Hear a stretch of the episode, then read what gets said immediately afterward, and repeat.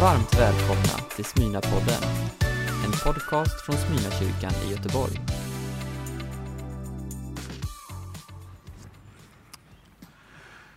I den här tiden är det som att de där riktigt stora penseldragen dras.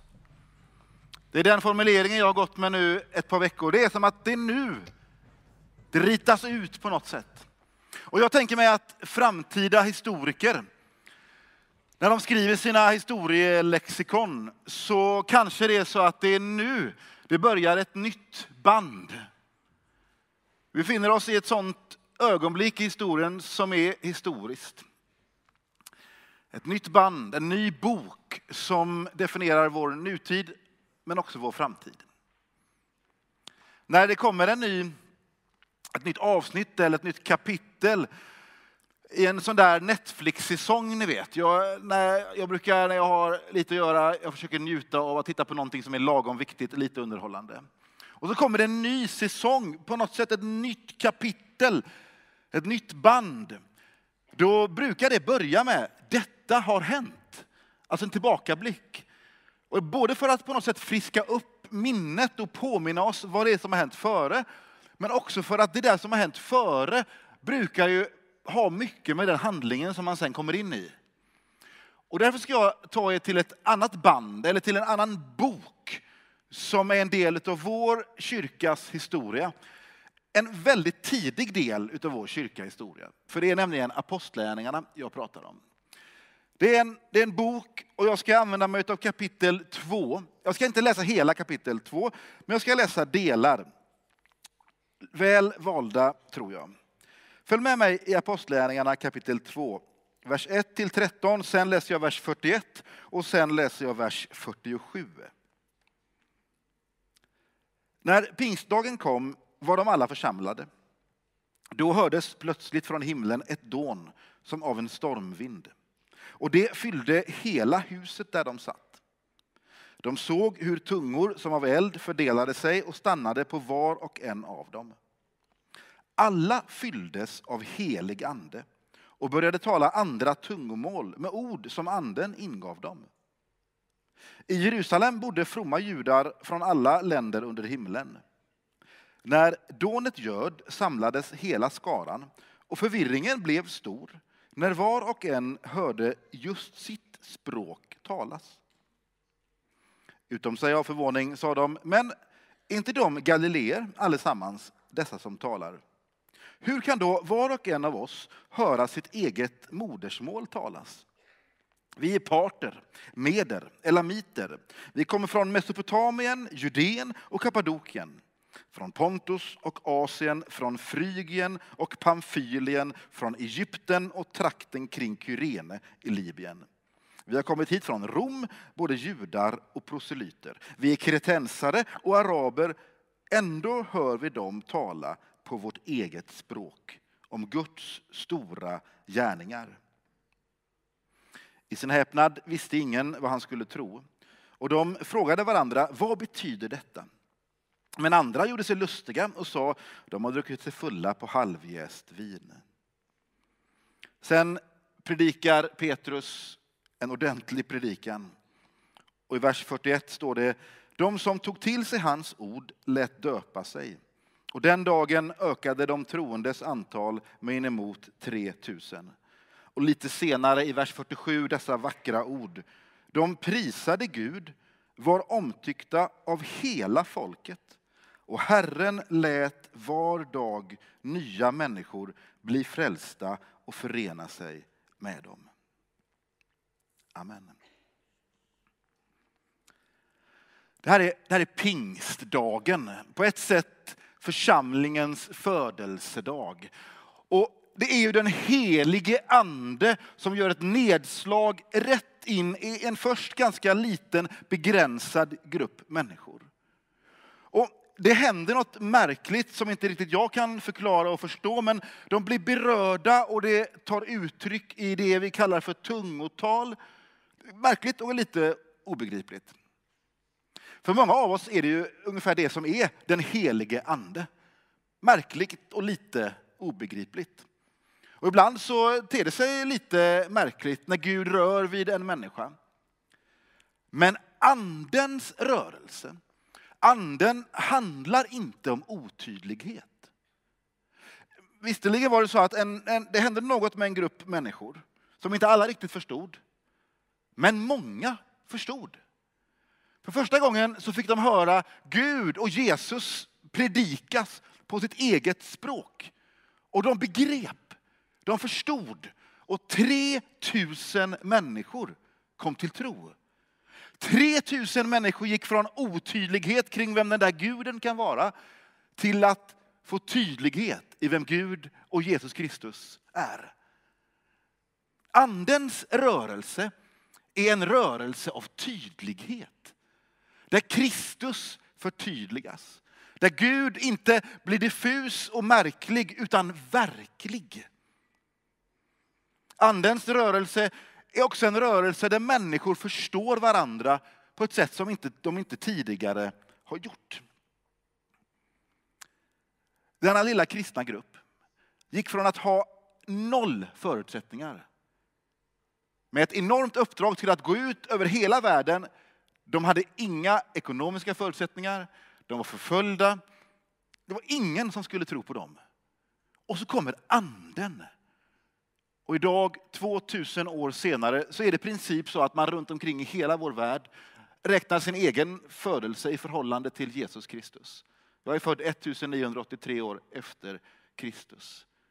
Vår värld har blivit påverkad utav denna andliga rörelse. Vår församling har en vision och en del av den är, är så här.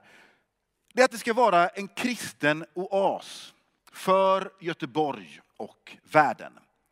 Det där ordet oas kan ju vara svårt att få det till att bli superrelevant, men det handlar ju på något sätt i grunden om en plats där man kan få sina innersta behov tillgodosedda. Där jag kan få möta det som jag verkligen behöver. Men det är ett annat ord jag har fastnat för, nämligen ordet för. Vi har sagt i vår vision att vi vill vara en kristen oas, en församling för Göteborg och för världen. Det där ordet ska jag försöka predika om. Det finns ett annat ord med tre bokstäver som är raka motsatsen till för, nämligen mot. Och när jag läser min bibel så inser jag att det är djupt i människan så är det som att det finns en rot av mot som på något sätt vill gro.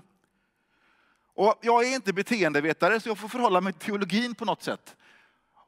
Och jag, jag upptäcker ju att det första som händer när syndafallet har slagit in som en kil eller som en rot mellan människa och Gud så ställs också människa mot människa. De första syskonen som föds ställs emot varandra och det slutar med att den ena dödar den andra. Det finns ett för och det finns ett mot. Vår vision är att vara för.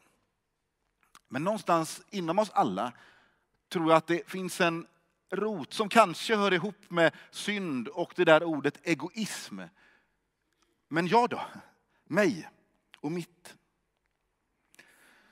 Nu ska jag läsa ett av mina favoritbibelord. Brukar du lyssna på mig som predikant så har du förmodligen hört det här innan. Sitter du och tänker det här har jag hört innan så vill jag bara meddela att det svåra är inte att höra detta utan det är att faktiskt göra detta. Första Korinthierbrevet kapitel 13, vers 1-3. Om jag talar både människors och änglars språk men saknar kärlek är jag bara ekande brons, en skrällande symbol. Och om jag har profetisk gåva och känner alla hemligheterna och har hela kunskapen och om jag har all tro så att jag kan flytta berg men saknar kärlek är jag ingenting. Och om jag delar ut allt jag äger och om jag låter bränna mig på bål men saknar kärlek har jag ingenting vunnit. en skrällande symbol. Ja, men det, det låter ju ändå lite, eller hur? Det märks i ett rum. Det händer något.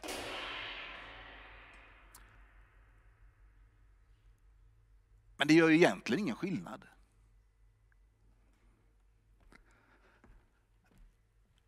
Att sakna kärlek.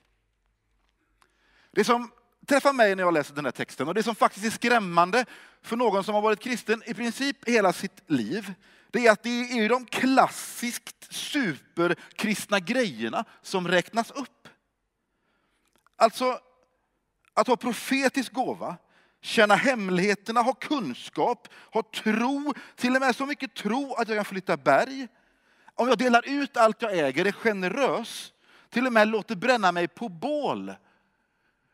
Alltså det är ju om vi skulle måla upp någon form av perfekt superkristen som strävar efter detta.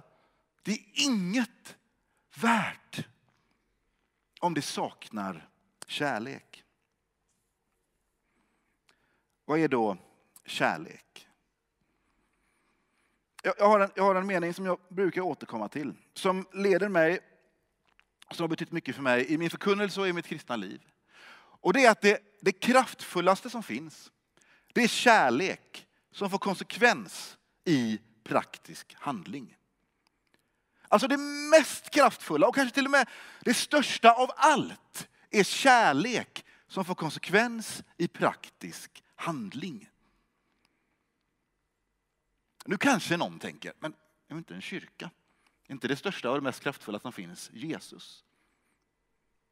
Det gick ju så bra alldeles nyss. Ja, men vad är Jesus? Vem är han? Ett bibelord som har återkommit alla de här tre visionsgudstjänsterna. Som finns med på alla konfirmandsamlingar, om inte alla så i alla fall varannan. Det är Johannes 3 och 16. Så älskade Gud världen att han gav den sin enda son för att det som tror på honom inte skall gå under utan ha evigt liv. Lyssna på det bibelordet. Ty så älskade Gud. Det finns kärlek. Kärleken får en konsekvens att han ger sin enda son. Och det är en tydlig och det är en praktisk konsekvens som faktiskt förvandlar en hel värld. Gud älskar och låter den kärlek, kärleken få konsekvens i handling. Och än så länge är det ju ganska enkelt. Men nu kommer den där egoismen som en växande rot inom sig och hamnar i konflikt med kärleken. Kärlek, någonting med kärlek som jag tror att man måste förstå, det är att den har en riktning. Alltså du kan inte stå här och bara älska dig själv. Eller möjligtvis skulle man kunna göra det, men då kallar vi det inte för kärlek utan då kallar vi det faktiskt för egoism. Kärleken har en riktning, det är någon eller något som jag älskar. Vad var det Gud älskade? Gud älskade världen. Det finns en riktning i Guds kärlek. Jag, gillar ju det här bibelordet för det ställer till det lite för oss. Är inte vi emot världen? Ibland har jag hört eh, sådana predikningar, jag hoppas kanske inte här inne, men där man på något sätt tar så mycket spjärn i att vara emot. Och så finns det ett bibelord som säger att Gud älskar världen. Det är en kamp mellan de där orden mot och för. Jesus fortsätter i Matteus kapitel 25. Jag läser också, jag bara tar några bitar. Han har ett skarpt laddat tal. Och han står där som Jesus i sista tiden delat upp folk mellan sig. Och så säger han, kungen ska svara dem. Sannerligen vad ni har gjort för någon av dessa minsta, som är mina bröder, det har ni gjort för mig. Och till de andra ska han svara dem, sannerligen vad ni inte har gjort för någon av dessa minsta, det har ni inte heller gjort för mig. Jag är mycket, men jag är inte supernaiv. Jag är medveten om att om man tar ställning för någonting så kommer det komma konsekvenser där man också behöver säga nej eller ställa sig emot någonting. Vi är för fred och mot krig. Vi är för att vara en öppen öppen gemenskap, då är vi mot diskriminering, eller hur? Men jag kan inte låta bli att när jag läser min bibel och när jag utmanas av den helige andes rörelse, så är det en rörelse som bottnar i en kärlek som främst är för. Inte mig och det jag behöver och mitt egna, utan för. För världen, för andra, för de minsta. Den helige Andes kraft, den helige Andes rörelse förtydligar Kristus. Och Kristus är per definition en konsekvens av kärlek för den här världen. En församlingsrörelse som har sitt identitet i att vara mot, tror jag är helt dömd till att misslyckas med uppdraget att göra skillnad i den här världen. Alltså det spelar ingen roll hur rätt man har, missförstå mig inte. Men man kan vara emot. Och om det är det som ger identitet och kraft, om det är det som matar tankarna, samtalet, bönerna, undervisningen, vad ni säger när ni kommer härifrån. Om det tar spjärn i ett mot, så tror jag det är kört. Jag tror att motet har sitt ursprung i syndet och när människor ställs mot människor så trycks människor ifrån varandra. I vår värld är ju det smärtsamt tydligt just de här dagarna. Vad som händer när människor ställs mot människor. När länder ställs mot länder. Allt är ju inte perfekt med församling alltså. Några av er här är inte med i en församling. Några som är här eller kanske lyssnar är mest lite nyfikna. Vad är det de säger i kyrkan? Kanske blivit medbjudna. Vad roligt att ni, att ni är med i detta. Jag vill bara ge en vink och alla oss andra en påminnelse om att vår församling har vår identitet kring ett för. Vi är för Göteborg och för världen. Vi är för människor och vi är för varandra. Ibland hamnar jag i, och några av er tror jag också, i ett resonemang där man inser att, nej men jag då? Mig och mitt? Låt mig förklara. Vi är ju liksom pingstdagen representanter av olika människor, av olika ålderskategorier, av olika ursprung och nationer. Vi är olika. Och det finns någonting i mänsklig gemenskap som församlingen är. Olikheterna tycks bli tydliga ibland. Det har med både åldrar att göra, men det har också med erfarenhet, smakpreferenser på olika sätt. Det kan handla allt om vilka sånger man sjunger till hur man går klädd eller hur man väljer att uttrycka sig. Vi är olika. Och ibland, kära vänner, så växer till och med hos oss det där skottet av mot. Varför tar man inte hänsyn till mig? Nu har den tänkt så, nu har de gjort så, nu blev det så igen. Och även om det är sant att det inte blev precis så som du hade velat. Och även om det är sant att det ibland är obalans så tror jag att det där ordet mot leder helt fel. Och när jag, när jag möter det där så hör jag en annan röst. Det är som att det är en pingströst. Som säger att när anden rör sig då är det inte olikheterna som förtydligas.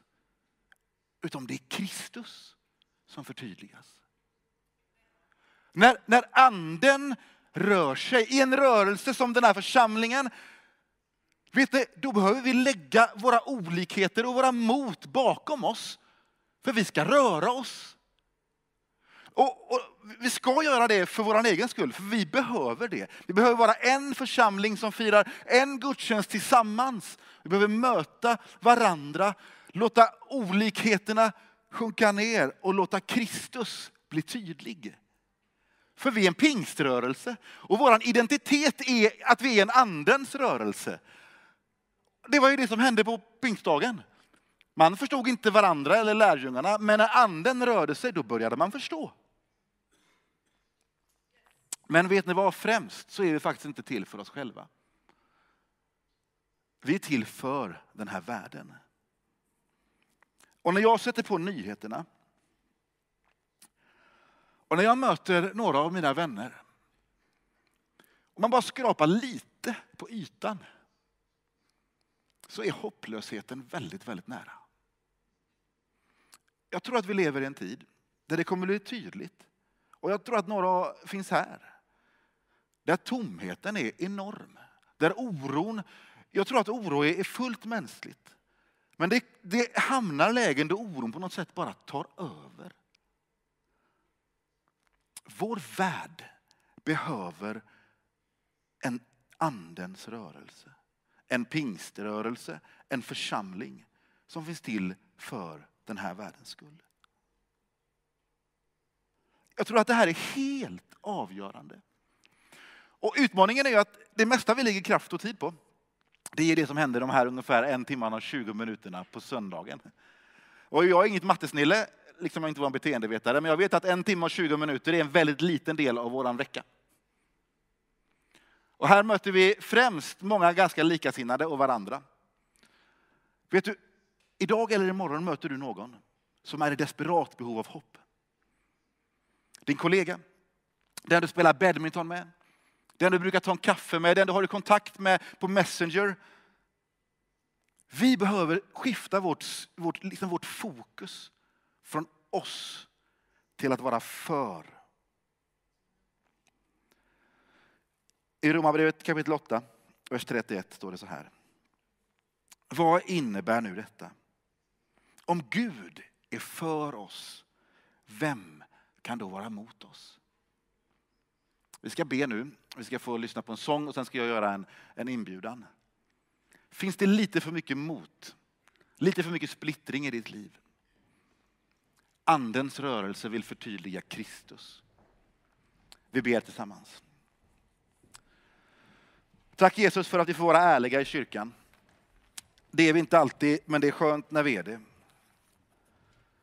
Herre, hjälp oss att utgöra den, det avtryck av helig ande som församlingsrörelse är. Både för våran skull, för vi behöver varandra. Unga är i desperat behov av äldre. Någon att ta rygg på, någon som har gått före. Och äldre behöver möta unga som påminner om kraft och liv. Tack för att du sänder människor till oss från olika generationer och från olika kulturer. Tack för att det är en andens rörelse när människor möts. Herre, hjälp oss att med din heliga andes kraft kämpa så att det där ordet mot inte tar över. Du vet när egoismen växer, när synden får lite för stor plats. Kom med din helige andes kraft, förlåt oss och blås bort egoismen, mig och mitt eget med andens vind. Och Herre, gör oss modiga så att vi kan ta den där kraften, den där heliga anden ut i världen. Till sköna, vanliga människor som du också är för. Amen. Du har lyssnat på en predikan från Smyrnakyrkan i Göteborg. Hjärtligt välkommen att lyssna igen eller besöka Smyrnakyrkan. Gud välsigne dig och din vecka.